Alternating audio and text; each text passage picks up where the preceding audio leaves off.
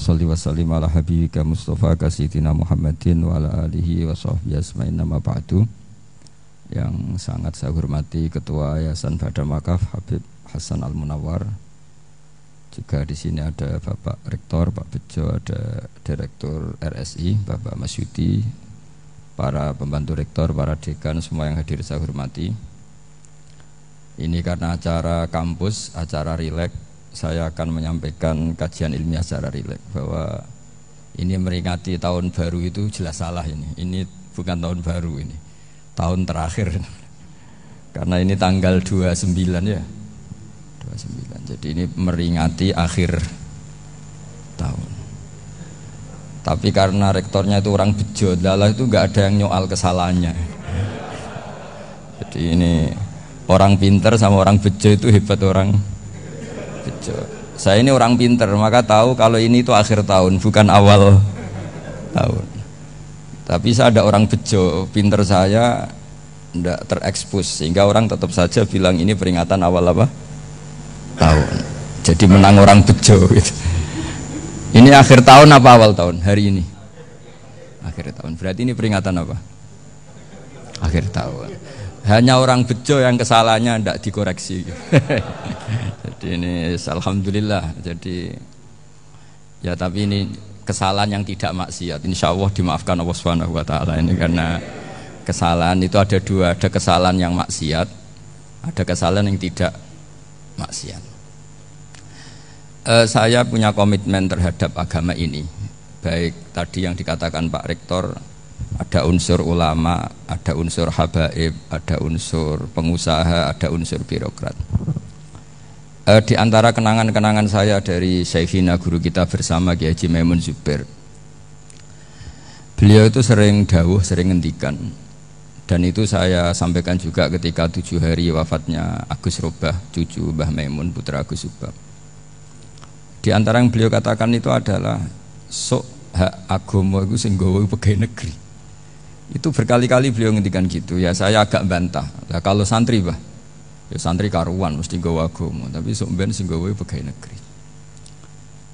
Setelah saya jadi kiai dan penelitian, saya itu berkali-kali didatangi dokter, tentara, juga polisi. Mereka sering bilang gini, Gus saya ini dokter negeri. Saya ke NTT, ke Papua, karena saya muslim, berkebutuhan Islam, maka dibikinkan musola, dibikinkan masjid. Kalau kiai tidak bisa, bikin sendiri urunan mau narik siapa itu. Mau narik tarikan di jalan yang mau nyumbang siapa. Tapi kalau kebutuhan negara karena tugas negara ya difasilitasi negara dan tidak dianggap misionaris karena negara. Begitu juga di beberapa negara yang non muslim kayak di Argentina, di Venezuela itu ada masjid, ada kajian Islam ya karena duta besar.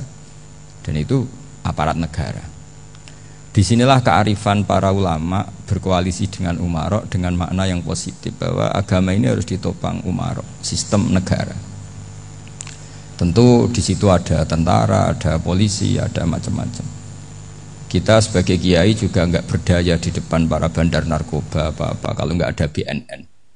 Kita mau apa dengan korupsi kalau tidak ada KPK? Sehingga kearifan para guru-guru kita. Mulai Mbah Maimun bapak saya sendiri NU Muhammadiyah semua ormas-ormas Islam itu. Pasti maulah kerjasama karena kita kita siapa ya? kalau tidak kerjasama. Dan di antara pesan Rasulullah Shallallahu Alaihi Wasallam adalah ya duwahi ma'al jamaah. Jadi apa ya? Kebersamaan itu sudah berkah. Fa yadawahi ma'al jamaah. Jadi berkah. Lalu Kenapa saya kalau ngaji bawa kitab? Ini agak sebetulnya itu lazim. Lazim itu suatu yang harus. Tapi karena kelamaan mubalek itu tidak pakai kitab. Seakan-akan bawa kitab itu yang aneh. Sebenarnya aneh mereka. Karena begini logika simpelnya ya. Umat Nabi ini berhak dapat apa coba? Berhak dapat warisan yang paling luhur, paling hebat, paling jernih. Apa itu Quran dan hadis? Pertanyaannya siapa yang paling punya hak otoritatif untuk menerangkan Quran hadis? Ulama. Ulama yang mana? Ya yang kapabel yang sudah diakui dunia kayak Imam Ghazali, Imam Bukhari, Imam Syafi'i. Artinya kalau kita tidak pakai materi itu ulama mendapat pikiran kita, bukan mendapat pikiran mereka. Saya ulang lagi, kalau kita tidak pakai materi yang otentik, yang orisinil, ulama umat ini mendapat pikiran kita, bukan pikiran mereka. Maka saya berusaha supaya teman-teman atau semua umat Islam dapat pikiran-pikirannya Imam Ghazali, pikiran-pikiran Imam Bukhari, pikiran-pikiran Abdul Qasim Al Junaidi, kejernian-kejernian Abu Yazid Al Bustami. Kejernian itu di antaranya adalah misalnya makalah yang menurut saya itu makalah yang super. Jadi untuk ngadepi krisis karena COVID atau karena apalah. Itu lama dulu sederhana sekali. Beliau-beliau punya rumus yang mungkin jarang didengungkan orang, tapi saya akan kampanye rumus ini. Al istighna hakikatul istighna itu adalah al istighna anis labihi jadi pemenuhan kebutuhan yang sebenarnya adalah kita berusaha menghindari sebanyak mungkin kebutuhan yang sekunder yang nggak penting. Bukan memenuhi semua yang kita inginkan. Jadi misalnya begini ya, kalau kita lapar, itu keinginan kita itu makan enak apa asal makan? Tentu jawabannya asal makan yang sehat. Tapi kalau nuruti nafsu kita, makannya yang enak, teman makan ya enak. Terus di warung yang favorit, ini kan satu kebodohan. Kenapa untuk makan saja butuh definisi sekian banyak? Yang kita harus kecewa, warung favoritnya bisa sudah tutup. Atau kita ke sana harus macet. Ribet. Yang benar-benar arif dan bijaksana itu adalah al istighna anisya. Sesuatu yang tidak mendesak itu jangan jadikan kebutuhan. Sehingga kalau kita puasa misalnya, semua makanan itu enak karena kita sangat lapar. Sehingga Abdul Qasim Al Junaidi ketika ditanya, "Ma idamu to'am, lauk makanan itu apa?" Jawabannya lucu, alju, lapar. Kalau kamu lapar ya semuanya enak. Ini sudah mulai hilang. Kita bilang makan enak itu ya sate, ya gulai, ya pizza yang kita senang. Akhirnya apa? Untuk nikmati nikmatnya Allah itu kita jadi ribet. Apalagi yang orang-orang fasik harus ditemani perempuan yang tidak halal misalnya atau harus ada ajudan, oh ribet. Nah pertanyaannya, orang yang ribet sama yang nggak ribet itu pinter mana? Pinter yang nggak ribet. Nah ini kearifan-kearifan yang mulai hilang. Lalu siapa yang bisa mewarisi itu? Ya ulama. Jadi ulama itu cara berpikir sebenarnya simple. Makanya mereka sering kalau tahajud itu. Di antara makalah Sayyidina Ali paling terkenal dan yang menjadikan beliau punya derajat yang luar biasa. Itu adalah kafani izzan antaku nali robban wa kafani fakhron an aku nalaka abdan. Ya Allah saya ini sudah begitu mulia begitu terhormat dan sangat-sangat terhormat karena yang menjadi Tuhan itu engkau.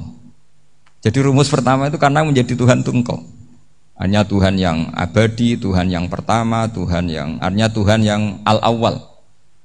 Coba ya Allah kalau saya ini punya Tuhan Fir'aun. Punya Tuhan mati jadi tontonan lagi. Itu kerennya di mana coba?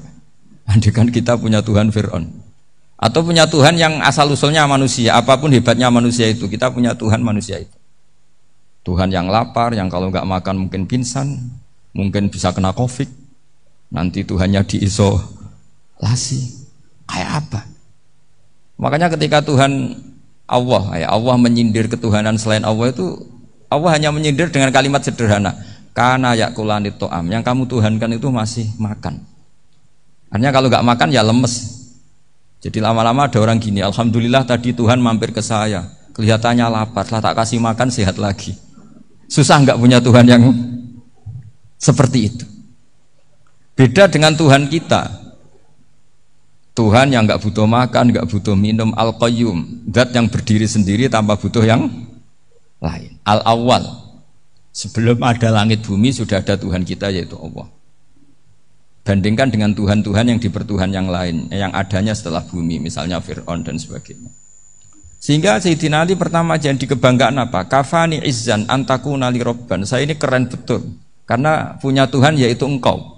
Tuhan yang lahul asmaul husna, Tuhan yang semuanya punya kebaikan, punya keabadian, punya keagungan. Terus wakafani fakhron an aku nalaka abdan dan saya bangga sekali karena saya menjadi hambamu. Kalau saya jadi hambanya Pak Rektor ribet kan? Sudah tak hormati ternyata nanti tidak rektor. Ya kan ribet kan? Terus pokoknya ribet. Jadi budaknya manusia itu ribet. Makanya ada seorang wali datang ke temannya yang jadi presiden atau jadi raja. Datang ke situ karena tidak punya uang, mau minta uang karena temannya raja. Setelah sampai sana ternyata temannya ini karena orang soleh pas berdoa, ya Allah saya minta ini, minta ini, minta ini. Terus si wali tadi pulang. Kenapa kamu pulang? Ternyata dia sama, masih minta-minta kayak saya. Jadi sederhana dia. Sama-sama minta kamu, minta zat yang kamu mintain katanya. Jadi dulu itu orang itu sebegitu dekat dengan Allah. Sehingga si raja ini terus ketemu wali tadi tanya, kenapa kamu apa, menyepelekan saya padahal sekarang saya raja.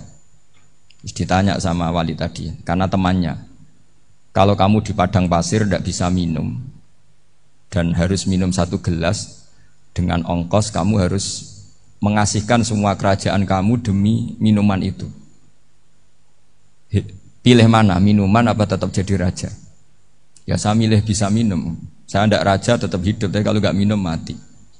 Bagaimana anda bangga dengan satu kerajaan sing la yusawi kak samain yang tidak sama dengan segelas air.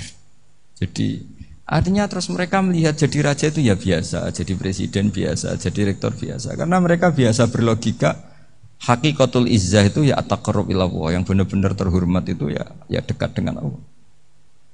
Begitu seterusnya mereka bikin paradok-paradok yang yang aneh, tapi itu menjadi pelajaran.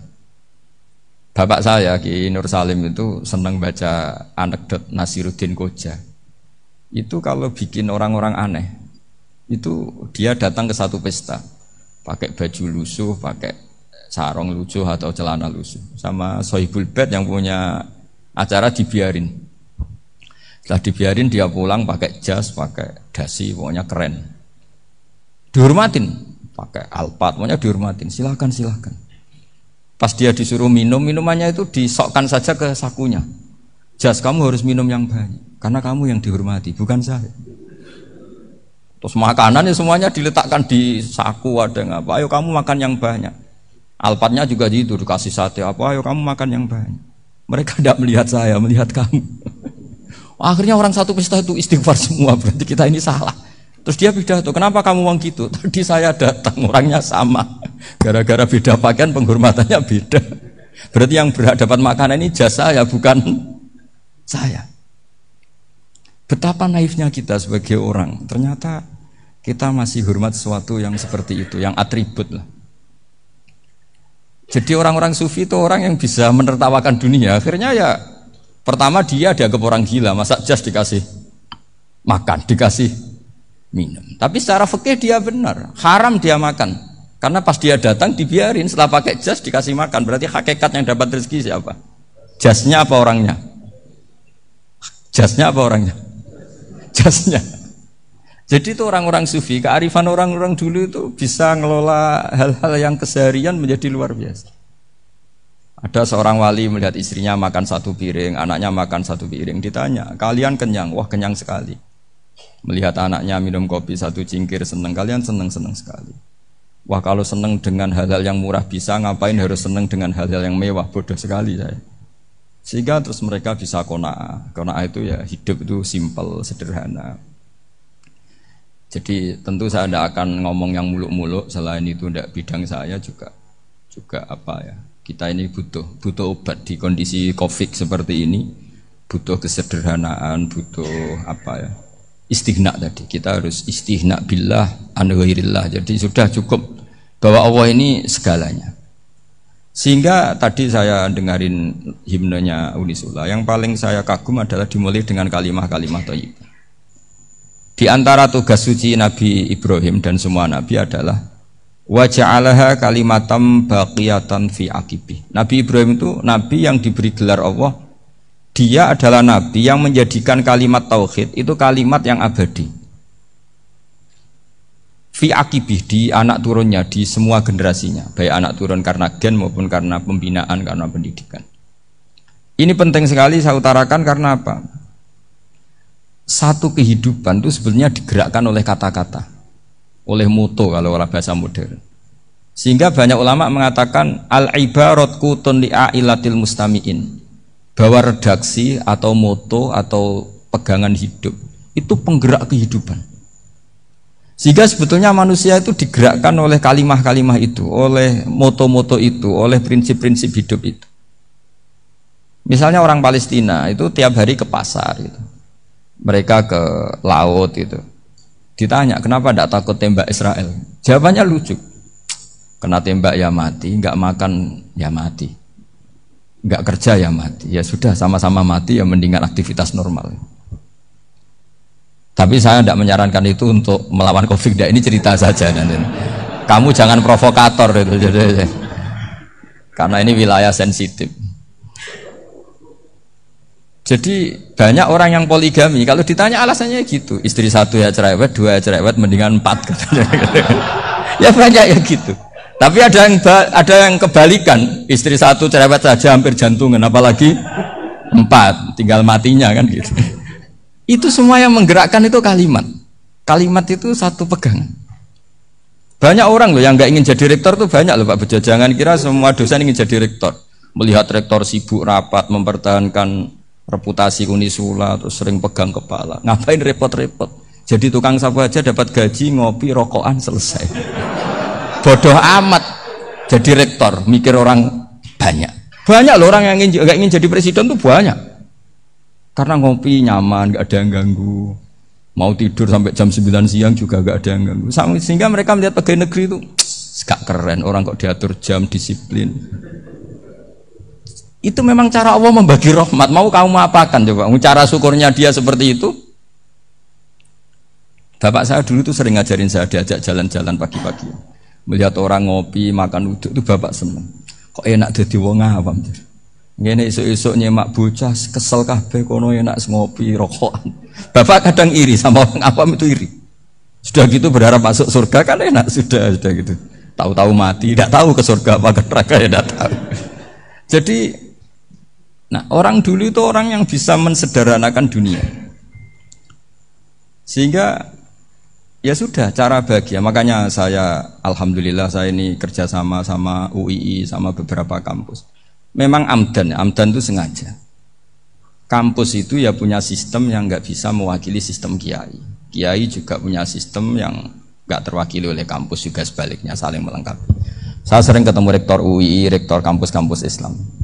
Mereka cerita, Gus pendidikan pondok harusnya dimodernkan gini-gini. Saya bilang, kalau pondok modern kayak kampus itu nanti saya ketemu Allah tidak bisa jawab.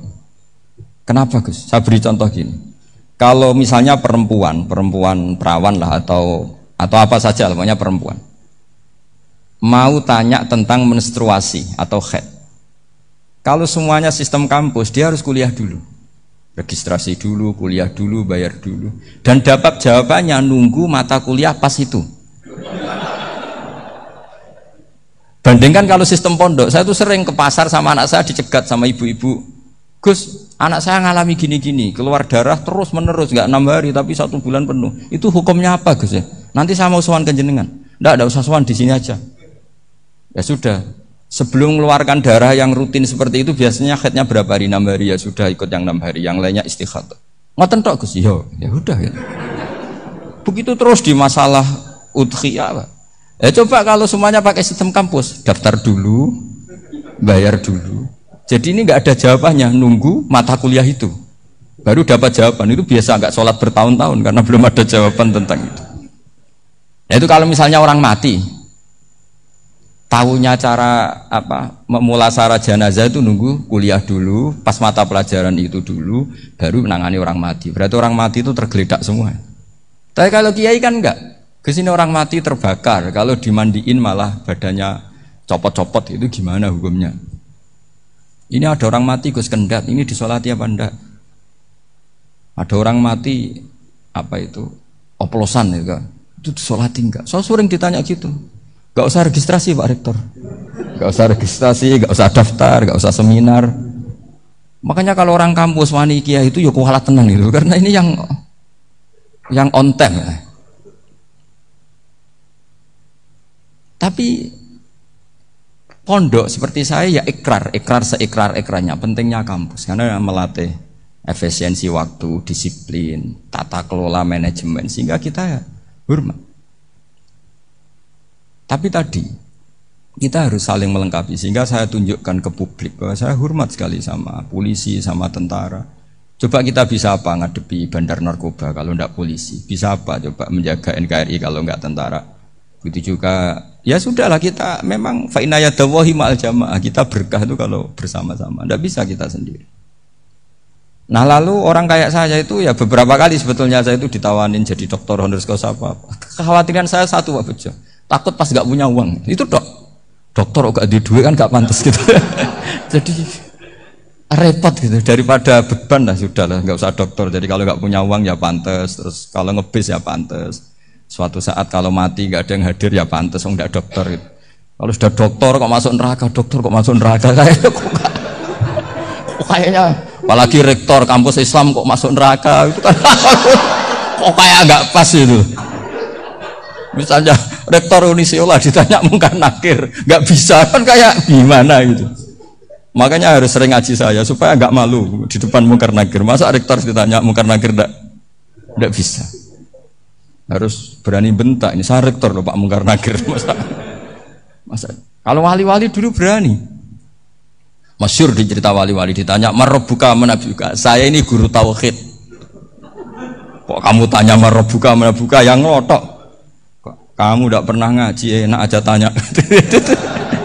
Jadi wali-wali itu ya rileks ngadepi mungkin. Saya akan rileks wali di Bang Pak Rektor. Saya yakin itu. Karena wali itu lebih dekat Allah.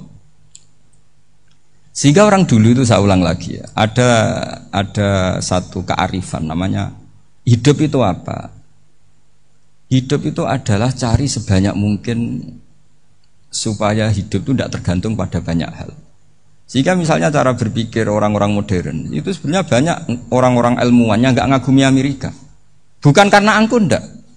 Untuk mempertahankan kebesaran negara sebesar itu, kebutuhan listriknya besar, kebutuhan tentaranya besar, kebutuhan apa? Sementara negara kayak Venezuela atau Swiss kebutuhannya ada banyak. Pertanyaannya, yang tergantung dengan banyak hal sama yang tidak tergantung banyak hal itu pinter mana? Kalau dibalik pertanyaannya gitu negara-negara maju itu tidak keren kalau dibalik pertanyaannya. Orang yang untuk mempertahankan eksistensinya banyak butuh banyak hal dengan yang tidak butuh banyak hal itu pinter mana? Orang yang bahagianya nunggu jadi dokter nunggu jadi kiai besar kiai viral dengan orang yang bahagia cukup dengan ngopi itu pinter mana tapi kalau dibalik pertanyaannya, orang yang tahunya nikmat hanya kopi dengan nikmat yang banyak, pinter mana? Makanya Mbah Mun tuh kalau guyon itu lucu. Aku ikut saake ambil ung desa sing mlebu swarga. Saya dulu es mlebu swarga kok disakeni. Akhirnya beliau memberi penjelasan. Wong desa iku roe pakanan enak, iku mau kopi mbek uduk. Lah swarga iku mau nuruti sing dikarepno.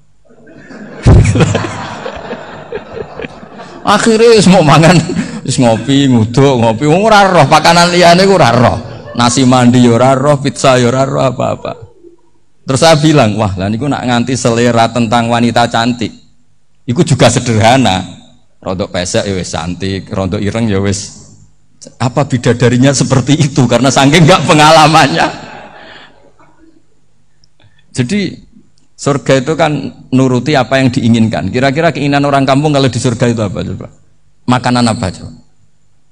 Ya, nak senengnya ketemel gemblong itu. Nang, artinya malaikat lebih suka nangani surganya orang-orang kampung di bang Pak Rektor. Ini sudah ribet ini. Makanan apa saja sudah dicoba. Ya. Terus kalau di mall tahu orang macam-macam, seleranya macam-macam pasti. Enak mana kalau sampai jadi malaikat pelayan surga? Suka ngelayani orang kampung apa yang orang kota? Orang kampung kan? Jadi Ya itu guyon ya, guyon tapi itu menjadi pikiran kita bahwa orang yang banyak kebutuhan itu sebetulnya banyak kebodohannya karena menggantungkan kebahagiaannya dengan banyak hal. Makanya Imam Syafi'i ngendikan istighna itu apa? Al istighna labi. Yang dikatakan kecukupan adalah berusaha sebanyak mungkin banyak hal tidak kamu butuhkan. Bukan memenuhi semua kebutuhan kamu karena nafsu kamu ini tidak ada batasnya gitu. Kalau kamu penuhin nggak akan selesai.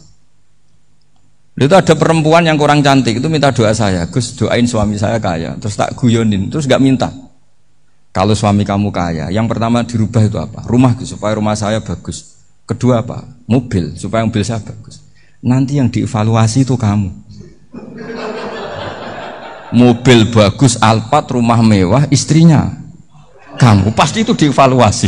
Langsung nggak nggak usah, usah sudah sudah gini aja Jadi pertama yang dievaluasi itu kaya itu coba kalau suami kaya itu yang dievaluasi pertama rumah ya. Rumah ganti. Setelah itu apa? Mobil. Kira-kira berikutnya. Akhirnya sudah aku nggak jadi nggak jadi. Nabi Ibrahim itu pernah minta umur panjang. Keren umur panjang. Sama Allah nggak dijawab. Datang orang tua gitu mertamu ke Nabi Ibrahim. Terus disuguhi dikasih kurma. Apa itu? Kok kurma apa? Anggur, anggur yang sudah matang, matang sekali, sudah dimakan. Setelah dimakan meler keluar lagi, dimakan lagi meler lagi. Terus Nabi Ibrahim masuk lagi ke kamar. Ya Allah, doanya tak cancel. Nanti kalau saya tua kayak itu. Jadi Allah itu nggak jawab langsung tapi ngirimkan itu. Akhirnya ya Allah nggak jadi nggak jadi. Nanti takut itu. Saya pernah ngalami jadi kiai tadi ada ibu-ibu ya kurang ya nggak pati cantik lah. Suaminya tuh miskin sekali. Minta doa saya supaya kaya. Bareng tak kasih pertimbangan itu udah udah nggak usah nggak usah nggak jadi. jadi itu kearifan. Tapi kearifan ini harus kita tanamkan. Saya nggak bisa membayangkan Indonesia yang besar ini, andai kan tidak ada konak nerimo ing pantum. Coba sekarang ada covid. Andi kan Indonesia tuh kayak Perancis. Saya beberapa kali punya tamu orang yang hidup lama di Perancis, bahkan dapat istri orang Perancis. Itu dulu gak begitu mencintai Indonesia. Tapi setelah di Perancis dua tahun, wah Indonesia hebat. Di Perancis itu kata dia kalau cerita, semua kebutuhan masyarakat itu dibebankan ke negara. Apa saja minta negara, apa saja nyoal negara. Sementara Indonesia Coba kalau Indonesia mengalami seperti ini kok tidak ada konaan rimo ing pantum, bisa kios Indonesia. Orang miskin nyalahkan negara, kelaparan nyalahkan negara, apa saja. Tapi barokahnya dididik kiai jogeman nyalah wong liya. Surip pun romo ing pandum, diame. Sampai gak ngerti kalau Covid. Banyak tuh orang-orang kampung itu, orang lugu-lugu. Bah niki saking Covid, salam ning Covid muga-muga umure panjang. Dikira Covid itu nama orang yang ahli sosial itu. Mbak niki dana saking Covid. Matur nuwun sampai no salamku muga-muga umur panjang. Bingung kan yang nganterin ini. Ini gimana yang mau menjelaskan? Memang nggak paham. Ribet kan. Tapi saya pastikan bahwa dengan keadaan seperti ini kita bahagia, kita stabil itu jelas barokahnya kalimat tadi moto tadi atau pegangan hidup tadi. Makanya disebut al ibarat kutun li ailatil mustamiin bahwa redaksi atau kata-kata atau pegangan atau filosofi hidup apalah namanya itu itu adalah penyemangat. Penyemangat. Karena kata-kata ini memang luar biasa. Ketika sahabat perang, perang demi kebenaran, zaman itu ya pasti benar karena yang dibela Nabi Dulu itu kan enak zaman Nabi, yang dibela mesti benarnya, musuhnya mesti salahnya. Sehingga dulu itu memang harus tegas. Kalau sekarang mau tegas gimana? Yang kamu bela tidak mesti benar, musuhnya tidak mesti salah. Ribet kan kalau misalnya saya tukaran sama Pak Rektor, kamu mau bela mana kan bingung. Saya tidak mesti benar, saya tidak Nabi. Pak Rektor apalagi nggak mesti benar lagi kan? Ribet kan? Jadi kalau kita mau perang sekarang itu mau pede gimana? Enggak. Makanya banyak ulama sekarang tuh mau tegas tuh gak berani karena ya ya banyak hal yang abu-abu lah wilayahnya misalnya pilihan presiden atau pilihan bupati, pilihan menteri. Kamu mati-matian bela itu. Yang kamu bela ada mesti benar, musuh kamu tidak mesti salah. Misalnya pilihan, pilihan bupati. Wah ini kabupaten ini baik kalau bupatinya ini. Yang satu bilang ini. Terus tim suksesnya kamu tanya. Kamu yakin? Ya tidak juga. Lah kenapa semangat? Kan saya botohnya paling alasannya ya itu aja, bukan yang lain. Beda dengan zaman Nabi, Nabinya mesti benar, Abu Jahalnya mesti salah. Kan enak aturan mainnya jelas. Singkat cerita dalam perang itu banyak sahabat yang alami luka, ngalami apa. Gitu. Kemudian curhat ya, ke Nabi. Ya Nabi gara-gara derek kan jenengan, ngikuti jenengan, saya harus ngalami seperti ini, seperti ini. Eh, ngiranya orang itu diapresiasi sama Allah keluarnya. Ternyata sama Allah gak diapresiasi. Malah diturunkan ayat intakunu ta'lamuna fa innahum ya'lamuna kama ta'lamun wa tarjuna minallah malah yarjun. Kalau kamu sakit karena perang, Orang-orang kafir itu ya sakit. Itu saja berani padahal demi kekafiran. Watarjuna minallah malarjun. Padahal kamu punya nilai lebih yaitu berharap kepada Allah yang mereka tidak punya. Saya jadi kiai itu ya kadang mangkel. Karena yang benci ya benci, yang seneng itu ngel-ngel loh kayak Pak Bejo. Jadi semuanya ribet. Nah iya, yang benci ya ganggu, yang seneng ya ganggu, tambah nemen. Seribet. Tapi kalau sudah ingat bandar narkoba, mereka berhadapan dengan polisi, kadang ditembak karena kesalahannya terlalu fatal. Antar persaingan mereka juga bisa tembak-tembakan karena merebut pasar narkoba. Itu saja mereka berani. Kok kita yang jadi kiai kadang dicium tangannya, dihormati gak berani, hanya takut apa ya musibah-musibah kecil atau problem-problem kecil. Nah iya, kalau kita bandingannya gitu. Kalau kamu mau tahajud kedinginan, itu masih nanti dihisap Allah itu gitu. Maling ayam itu keluar malam-malam, hanya dapat ayam.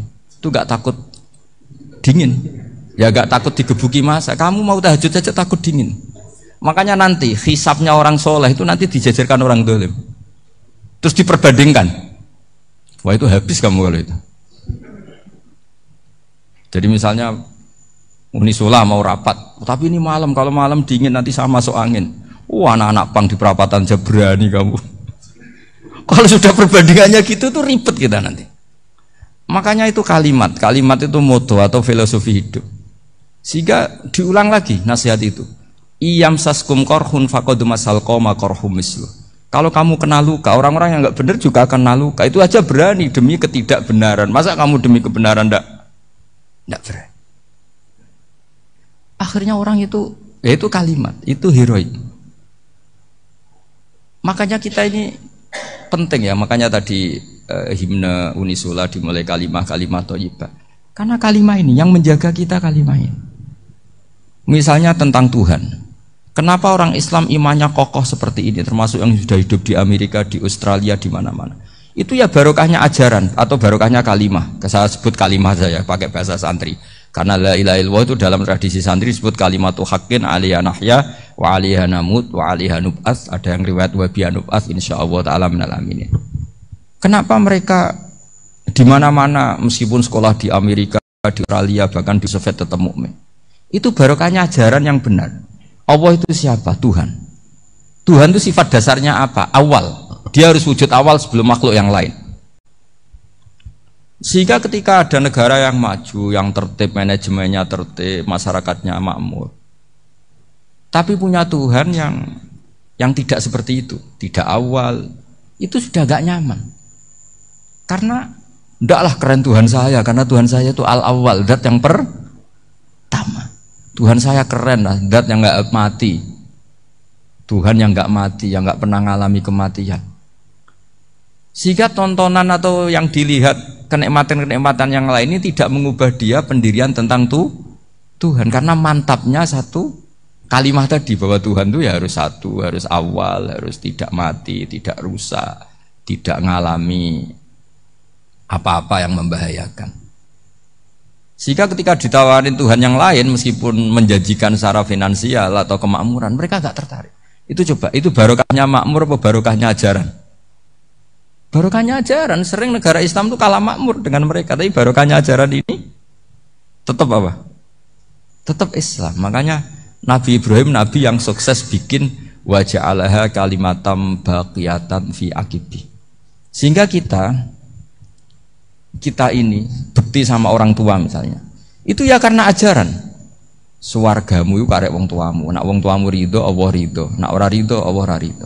Ridho wa fi ridho walidain wa sakhatu wa wa sukhtu fi sakhatil sehingga ketika ada orang tua yang agak brengsek gitu anak-anak tetap hormat punya orang tua yang miskin yang sudah miskin tukang tombok nomor banyak kan di kampung gitu ya tetap hormat coba kalau dari awal kita ngajari orang tua kamu hormati ya kalau baik kalau tidak ada usah bisa geger Indonesia tapi barokahnya ajaran-ajaran itu Indonesia tertib karena ada ah, tadi ada ajaran. Nah ini di sini ini eh, pesantren dan Unisula semua harus berkontribusi membuat ajaran yang benar itu adalah ciri utama Islam. Sehingga Islam ini dimulai dengan ajaran kalimat haqqin alaiha nahya wa alaiha namut. Sehingga kita tenang seperti ini. Saya ini termasuk kiai yang tenang. Meskipun kata orang banyak saya ini kiai besar, tapi termasuk kiai yang paling tenang. Termasuk yang paling tenang. Karena saya ini pakai mazhab orang-orang hebat. Saya berkali-kali cerita, orang-orang kayak Imam Syafi'i itu orang yang luar biasa. Saya berkali-kali cerita. Orang yang tadi nyium tangan kamu ya Imam Syafi'i di belakang tuh ngerasani kamu menghujat kamu. Jawabannya enak saja. Berarti saya alhamdulillah orang yang wibawa. Buktinya di depan saya nggak berani. Jadi enteng saja.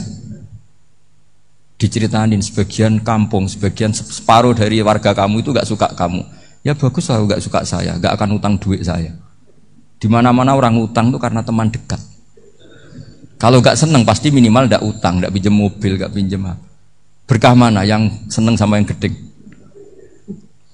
Jadi dianggap enteng saja. Semua yang dialamin dianggap enteng saja. Misalnya punya istri pemarah ya baguslah marahin suami. Kalau marahin tonggo malah ribet. Jadi kamu harus terima kasih kalau dimarahin istri. Baguslah marahin saya mah kalau marahin tonggo ribet. Jadi enteng saja. Tapi, tapi kita sekarang tuh karena nafsu ya, sehingga menghadapi hidup ini ribet.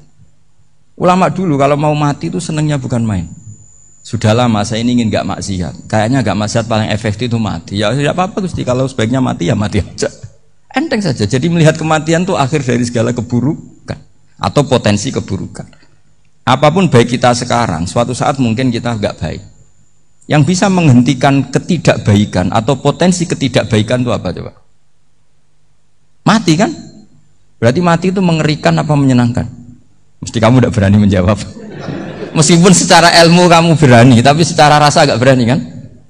Saya ulang lagi ya, yang bisa menghentikan keburukan atau potensi keburukan itu apa coba? Apa? Kematian. Berarti kematian itu menyenangkan atau menyusahkan? Apa pun kamu tidak berani jawab karena kamu agak-agak duniawi itu kelihatannya. Tapi secara ilmu, kamu tahu kan kalau mati itu tidak buruk-buruk banget. Karena apa? Itu akhir dari segala keburukan. Sehingga Nabi ngajarkan kalimat itu begitu luar biasa. Allahumma ahyini maka natil hayatu khairan li. Wa tawaffani maka natil wafatu khairan li. Nabi melihat dunia itu begitu indah. Ya Allah, kalau saya ini hidup, anggap saja hidup ini ziyadatan li fi kulli khairin, menjadi modal saya menambah segala kebaikan. Jika suatu saat saya mati, anggap mawon rohatan li min kulli syarrin, itu akhir dari segala keburukan saya. Sehingga mati hidup ya baik karena di situ kita bisa berkontribusi beramal soleh, mati juga baik karena mengakhiri segala keburukan. Nabi nate ngendikan lagi, ajaban di amril mukmini, inna amrohu kullahu khair. Orang mukmin itu mengagumkan, semuanya baik. In asobat hunakma syakaro, fakana khairan lah.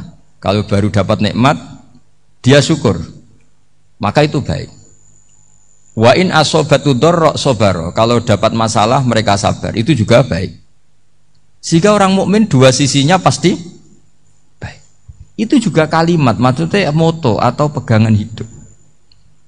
Nah berikut ini saya beri contoh ini kenangan saya ini contoh terakhir masalah jadi orang terkenal maupun tidak. Di sini dicontohkan Imam Ghazali di halaman 367 di kitab saya 367 jusnya 3 di kitab Ikhya kitab Ikhya Ulumuddin.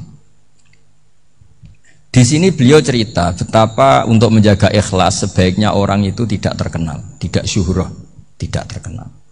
Oke, itu kita sepakat ya karena kalau terkenal mungkin orang dipaksa publik dengan tanda kutip untuk selalu berbuat baik tapi karena jaim lah jaga imet atau apa. Tapi ketika dibalik pertanyaannya, kamu rela yang terkenal itu orang nggak benar, sementara yang orang benar itu nggak terkenal. Lalu masyarakat taunya yang tidak benar. Kalau pertanyaannya dibalik gitu, orang baik wajib terkenal enggak? Kalau pertanyaannya dibalik seperti itu. Dokter yang benar tidak terkenal, yang malpraktek terkenal. Kamu ingin kondisi seperti itu? Gak ingin kan? Kampus yang bagus gak terkenal, yang uh, kampus yang bagus gak terkenal, yang gak bagus. Artinya apa? Gara-gara olah kata, olah pikiran, ini logika jadi rubah. Lagi-lagi apa? Jawaban itu ada di kata-kata sebetulnya. Makanya Bab-bab seperti ini tidak usahlah kita berdebat, berpolemik. Sebaiknya orang itu humul, menutup diri. Apa sebaiknya orang terkenal itu nggak perlu seperti itu. Sudah terserah Tuhan saja. Makanya saya mulai dulu ngaji sampai sekarang itu ya tidak punya apa tadi punya ikon tertentu atau punya website tertentu? Ndak. Sudah terserah pangeran sudah. Saya ndak. Saya juga ndak sok suci materialistik atau ndak ya ndak mikir saya. Bukan apa ya karena saya ini saya ini kiai jadi biasa urusannya sama Allah ndak sama makhluk. Jadi pusing kalau sama sarah-sarahnya makhluk itu pusing. Meskipun rektor kalau nasihati saya pasti tidak saya terima. Itu tetap makhluk itu sudah sudah. Sudah tidak ngefek kalau saya itu sudah ada itu. Bukan karena saya sombong ya memang makhluk betul gitu bukan bukan Cuma nasibnya bejo aja, tapi makhluk tetap tetap makhluk. Saya beri contoh ya. Ini makalah yang ditulis Imam Ghazali. Ya, I'lam aslahaka Allah anna aslal jah wa intisarus sayyid atau sayyidi wal istihar. Bahwa mazmum itu. Balil mahmudu al khumulu illa man saharahu wa ta'ala linasri dini min ghairi takallufi talabi syuhrati minhu. Jadi kalau kamu ingin ibadah kamu selamat ya kamu jangan terkenal. Tapi resikonya adalah kalau kebaikan itu tidak terkenal maka agak dikenali. Kalau nggak dikenali berarti masyarakat hanya punya percontohan yang tidak baik karena yang baik tidak terkenal. Jadi itulah ulama-ulama dulu. Jadi apa-apa itu dibanding-bandingkan. Kemudian nanti kelihatan jawabannya itu kelihatan. Jadi ulama dulu itu biasa ngarang misalnya afatun nikah, sisi negatifnya nikah. Harus ngerumat istri, harus macam-macam kalau terlantar itu ya dosa. Seperti tadi Pak Marsudi cerita kalau orang ngapalkan Quran itu takut lupa, kalau lupa itu jadi dosa. Pertanyaannya kalau semua orang takut lupa, takut dosa, semua orang nggak hafal Quran karena potongan-potongan lupa. Cara berpikir tidak seperti itu. Kalau berpikir ya namanya apalan ya inginnya apal, kan nggak ingin lupa. Lah nanti kalau takdirnya lupa karena hal-hal yang dimaklumi oleh syariat itu nggak yang termasuk dosa. Yang dosa itu lupa tak diwiri udrin lupa yang tidak ada sebab yang apa syar'i. Tapi lupa bawaan EQ-nya tidak bagus, lupa bawaan sering dibentak, Oh itu nggak masalah karena bawaannya orang tertekan itu ya lupa. Coba kamu apal Quran, terus punya kredit jatuh tempo. Pas hari itu aku yakin nggak cerdas sudah. Itu bawaannya orang tertekan itu pasti pasti lupa. Jadi ya saya teruskan ya. Jadi terus ada makalah yang sangat bagus sekali tentang itu. Saya baca ya. Wa yadullu ala dzalika anna Allah azza wa jalla amaral anbiya'a bi idharil amali lil iktida wa khassahum bi mansibin nubuwah. Wala yajuzu ayyudhunna bihim annahum khurrimu afdolal amalen. Jadi orang yang terlalu mendewa-dewakan humul, humul itu menutup diri. Oke itu baik karena dengan humul, dengan menutup diri Anda tidak ria, Anda tidak pamer. Tapi kata Imam Ghazali, kamu juga harus ingat di antara syaratnya Nabi itu harus mengumumkan kalau beliau itu seorang Nabi. Harus memaklumatkan kalau beliau seorang Nabi supaya bisa diikuti. Caranya sholat harus diumumkan sehingga Nabi itu mengatakan harus jamaah. Karena dengan cara jamaah itu bisa solu kamaro itu muni soli. Coba kalau Nabi sholatnya nggak diperlihatkan, kamu harus sholat yang benar. Caranya gimana ya Rasulullah? Itu rahasia. Bingung nggak kira-kira? Bingung nggak? Ya, ya misalnya amal rahasia selalu lebih baik. Terus ada pertanyaan, Nabi ngendikan kamu sholat yang benar. Caranya gimana Nabi? Ya itu rahasia. Terus gimana coba? Tapi Nabi ngendikan apa? Solu kamaro itu muni usol. Ya sudah kamu sholat, niru saya sholat. Berarti Nabi sholatnya diperlihatkan apa disembunyikan? Diperlihatkan. Jadi begitu juga saya berkali-kali bilang Orang tahu kalau itu bidan ya berdasar tulisan itu bidan. Tahu kalau itu dokter gigi ya itu dokter gigi. Jangan sampai gara-gara tidak ada tulisan mau beli mau beli alat bangunan di dokter gigi. Mau periksa gigi di toko bangunan. Gara-gara apa? Gak ada maklum, gak ada maklumat. Nah, di sini ulama-ulama selalu memaklumatkan dirinya. Termasuk Imam Ghazali ketika ngarang kitab dinamai Ihya Ulumuddin bahwa kitab ini bisa menghidupkan ilmu-ilmu agama yang mulai hilang. Begitu seterusnya. Jadi ini ngaji ya. Jadi orang itu harus ngerti ya. Jadi jangan nuruti emosi sendiri atau logika sendiri bahwa saya suka humul ya monggo agama Islam menyediakan sarana itu. Uzlah itu ya punya sisi kebaikannya sendiri. Tapi syuhrah terkenal asal tidak nuruti nafsu juga punya sisi kebaikannya sendiri. Setidaknya umat ini punya satu master kebaikan yang mudah diakses. Tapi tadi saya ulang lagi, jangan karena hadun nafsi, jangan karena kepentingan pribadi. Makanya di sini disebutkan wa yadullu ala dzalika ay ala syuhrah anna wa ta'ala amarul anbiya bi amal lil iktida.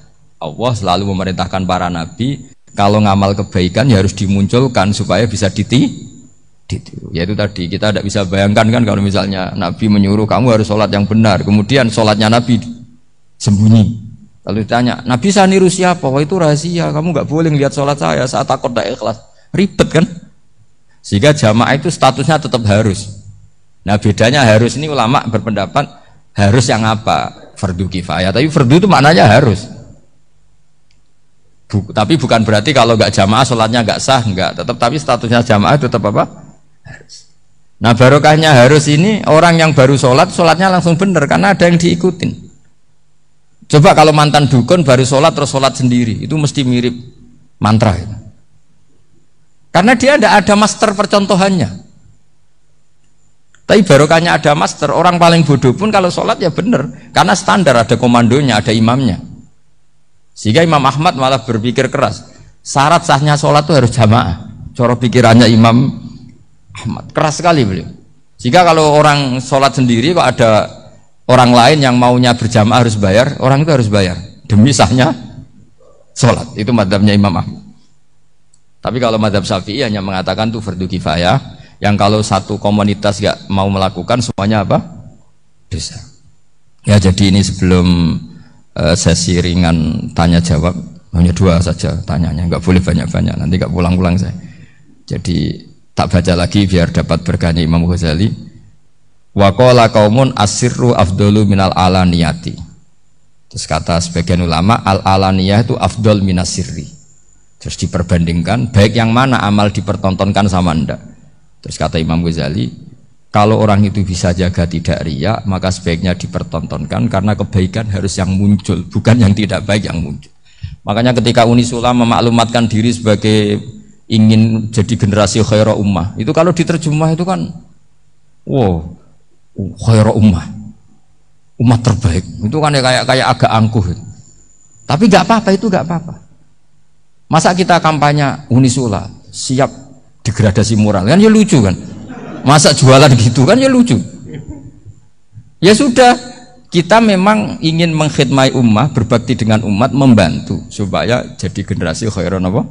Tidak apa-apa dimaklumatkan supaya dengan itu umat punya sarana Oh kalau ingin jadi khairu ummah kuliah di sini. Jangan lalu enggak gitu. Ya sama kita dokter, maklumatkan saja dokter gigi, dokter kandungan, dokter bedah. Sehingga orang kalau mau bedah ya jangan ke dokter kandungan. Jadi barokahnya maklumat ya. Jadi saya mohon sekali ini saya sendiri sebetulnya orang yang enggak siap terkenal sebetulnya tapi ya, ya sudah terserah Allah saja. Kalau itu cara Allah menyebar kebaikan, ya monggo. Pokoknya kita tawakal saja sama Allah Subhanahu wa wa taala. Ya saya demikian. Assalamualaikum warahmatullahi wabarakatuh.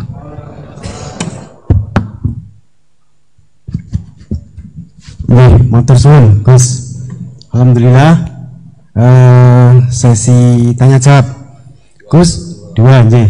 Ya, ini ada dari Yogi Banjarmasin, satu tipe dengan Ahmad Banyuwangi, satu tipe dengan Rizka Pekanbaru. Yang dari Banjarmasin itu, Gus mohon izin ngaji lewat jarak jauh baik melalui YouTube ataupun lewat e, medsos. Namun sanatnya bagaimana Gus? Sebab masa kini belum bisa ketemu langsung. Terus Reska kan baru ini trik e, trik mendidik akidah anak sejak dini pripun. Terus Ahmad Banyuwangi ini bagaimana kaum milenial ini karena setipe Gus generasi XZ yang lahir tahun 2000-an bagaimana membuat menarik belajar tasawuf bagi generasi anak-anak. Kasih. Nggih, namung niku. Tapi setunggal tipe nih uh, tasawuf. Bagaimana belajar tasawuf untuk generasi-generasi yang cik nom nom nih.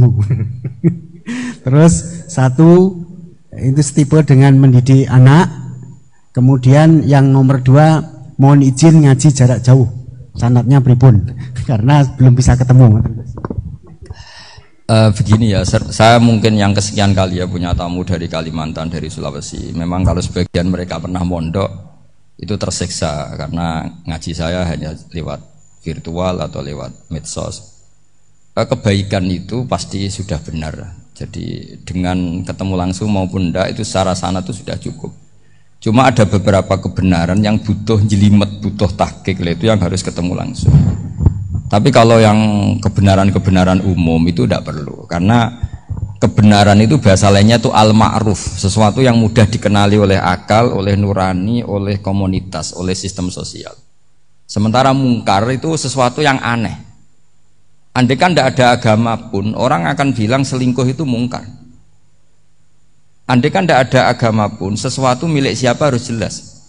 Sehingga diaturlah ini istrinya ini, ini istrinya ini, ini barangnya ini. Yang paling berat make apa ya yang punya kan? Makanya nikah itu disebut ma'ruf. Yang boleh make ya yang punya. Misalnya yang boleh make mobil itu ya yang punya atau yang dapat izin. Itu disebut ma'ruf. Lalu yang nggak punya kok make, itu namanya mungkar. Ya aneh, nggak punya kok make tanpa izin.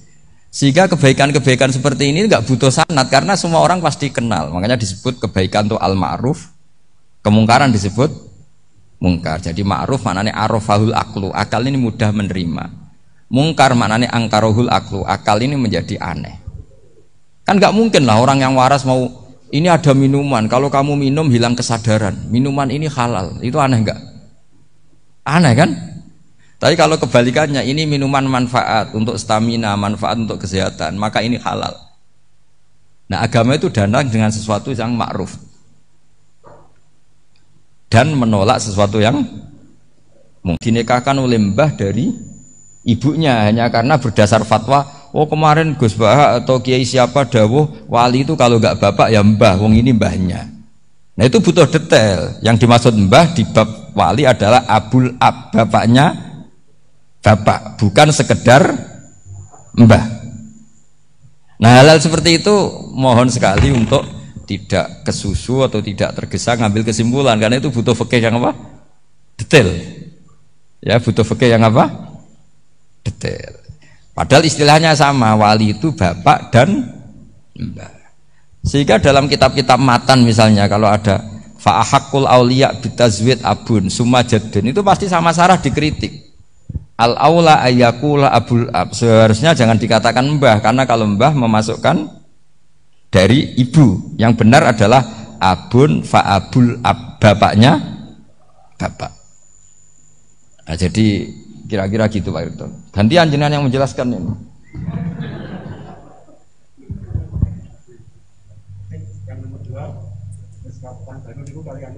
Mendidik ini dan tasawuf bagi generasi-generasi milenial ini Ya kayak tadi tasawuf maupun tauhid maupun ilmu moral apa pun itu mudah sekali dididik. Ciri utama agama ini itu adini yusrun. Agama itu mudah.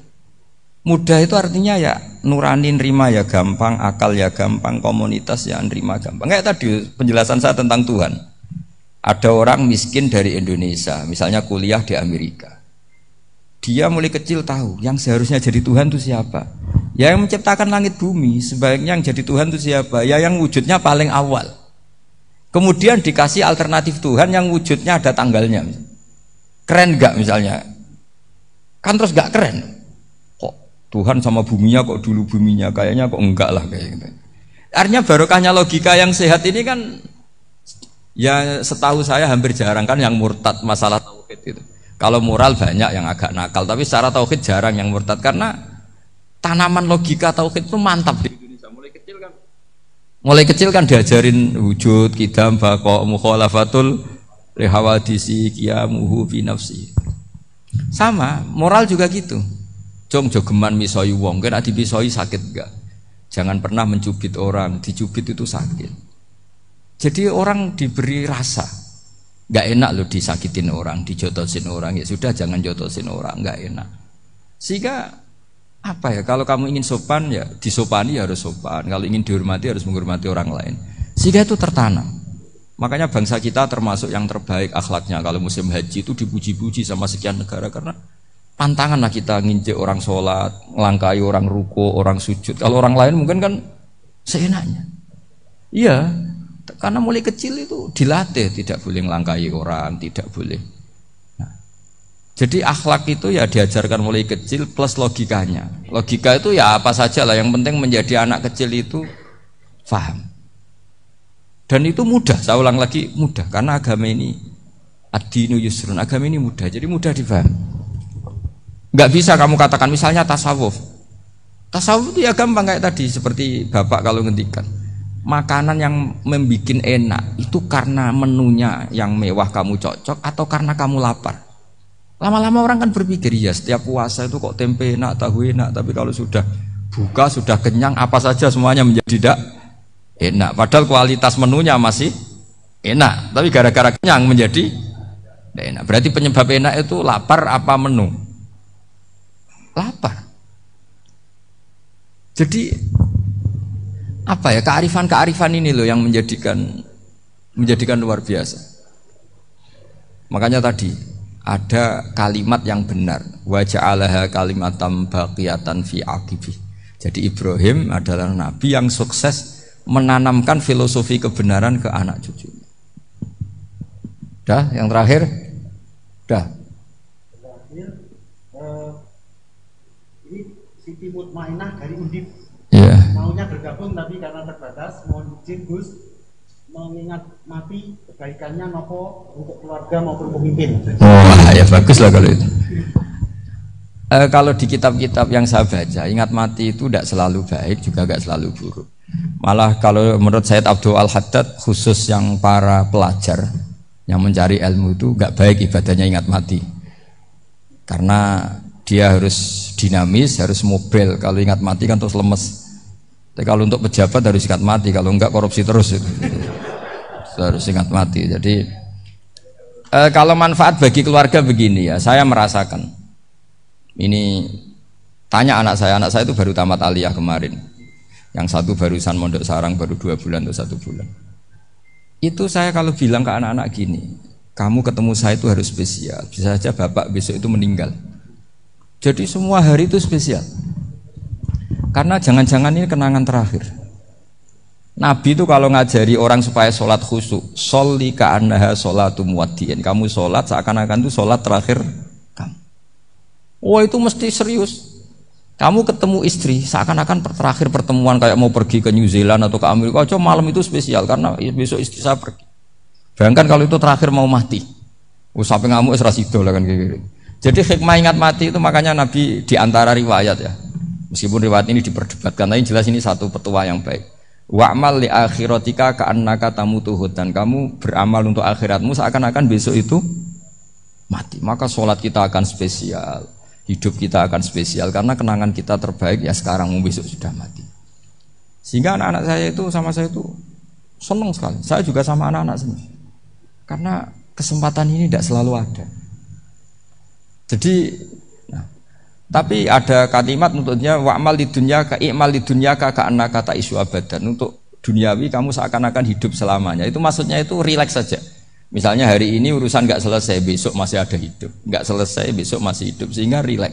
Tapi kalau urusan akhirat harus selesai sekarang karena besok sudah mati. Jadi ingat mati itu positifnya ya tadi. Semuanya akan indah. Coba orang yang mau meninggalkan Indonesia, misalnya nyuwun sewu LSM yang biasa demo atau mahasiswa yang biasa demo Terus tawarin, besok kamu kuliah di Rusia. Oh, itu warung apa saja kenangannya baik semua karena mau meninggalkan Indonesia. Tapi kalau tahu gak meninggalkan Indonesia, demo terus. Orang-orang sering demo, tawarin ke luar negeri. Kira-kira mau nggak? Pasti lebih suka apa? Indonesia. Orang paling miskin yang ngeluh terus di dunia ngeluh gak pernah nikmat, tawarin mati, mau nggak? Nggak mau kan? Nah, jadi untuk untuk supaya hidup ini nikmat, semuanya itu anggap kenangan terbaik Anda dan itu saja kenangan terakhir. Makanya resepnya Nabi supaya sholat khusyuk apa? Soli solatan apa soli solatam wadiin kamu sholat ka anha sholatum wadiin seakan-akan itu sholat apa? terakhir sehingga terus kita in, kita nyaman, kita apa. Dan kita nganggap ini sholat yang terakhir. Nanti ternyata masih lagi. Ya sudah itu sholat yang terakhir lagi. Sehingga semuanya apa? Spesial. Ya gitu Pak Rektor. Terima kasih Gus. Ini pertanyaannya total ada 135. Tapi saya himbau kepada para penanya ini misalnya ya ada pertanyaan bagaimana kami ini berada di organisasi uh, yang fasilitas materinya itu kecil.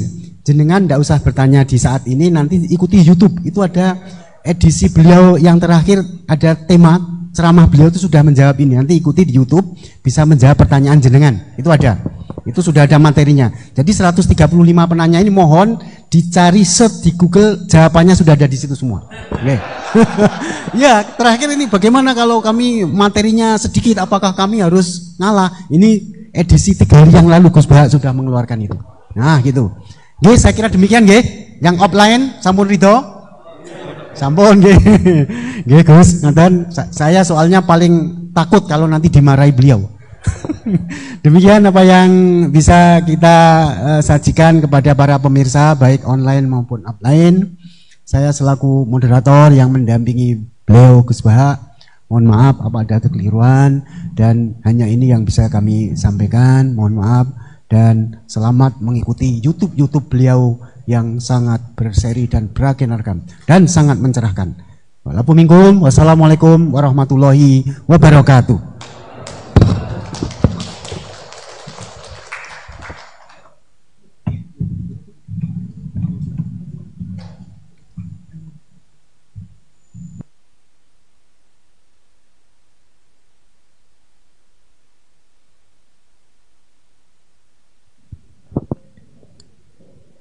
Acara selanjutnya yaitu doa kepada Dr. Andes Ahmad Yasin Ash'ari SMSI dipersilakan.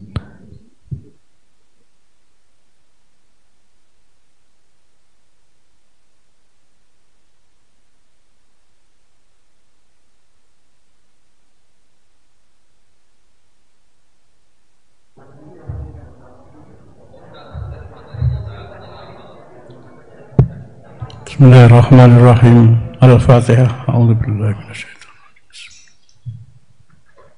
الحمد لله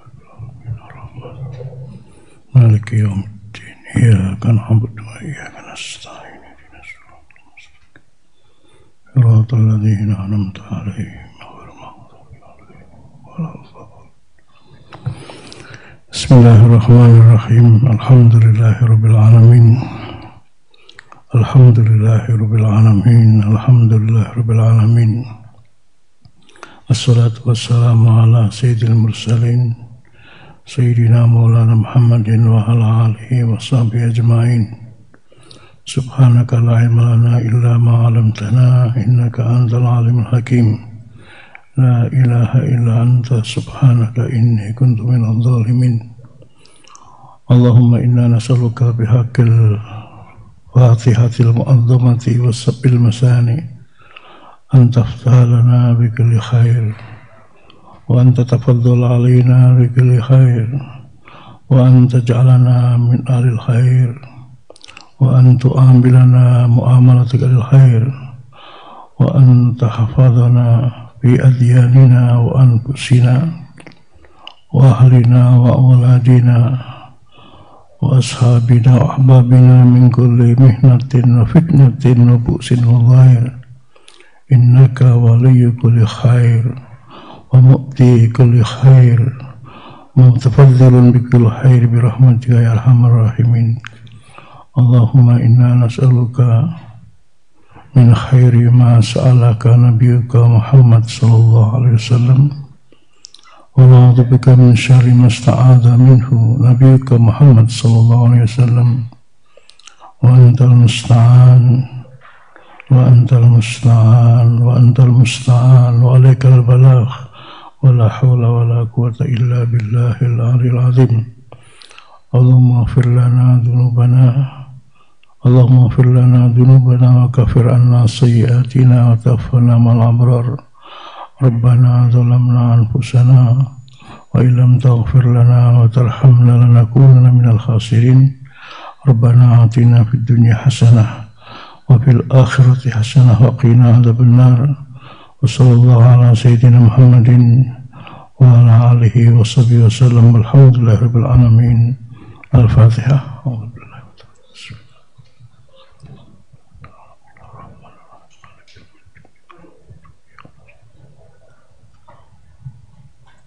السلام عليكم ورحمة الله وبركاته.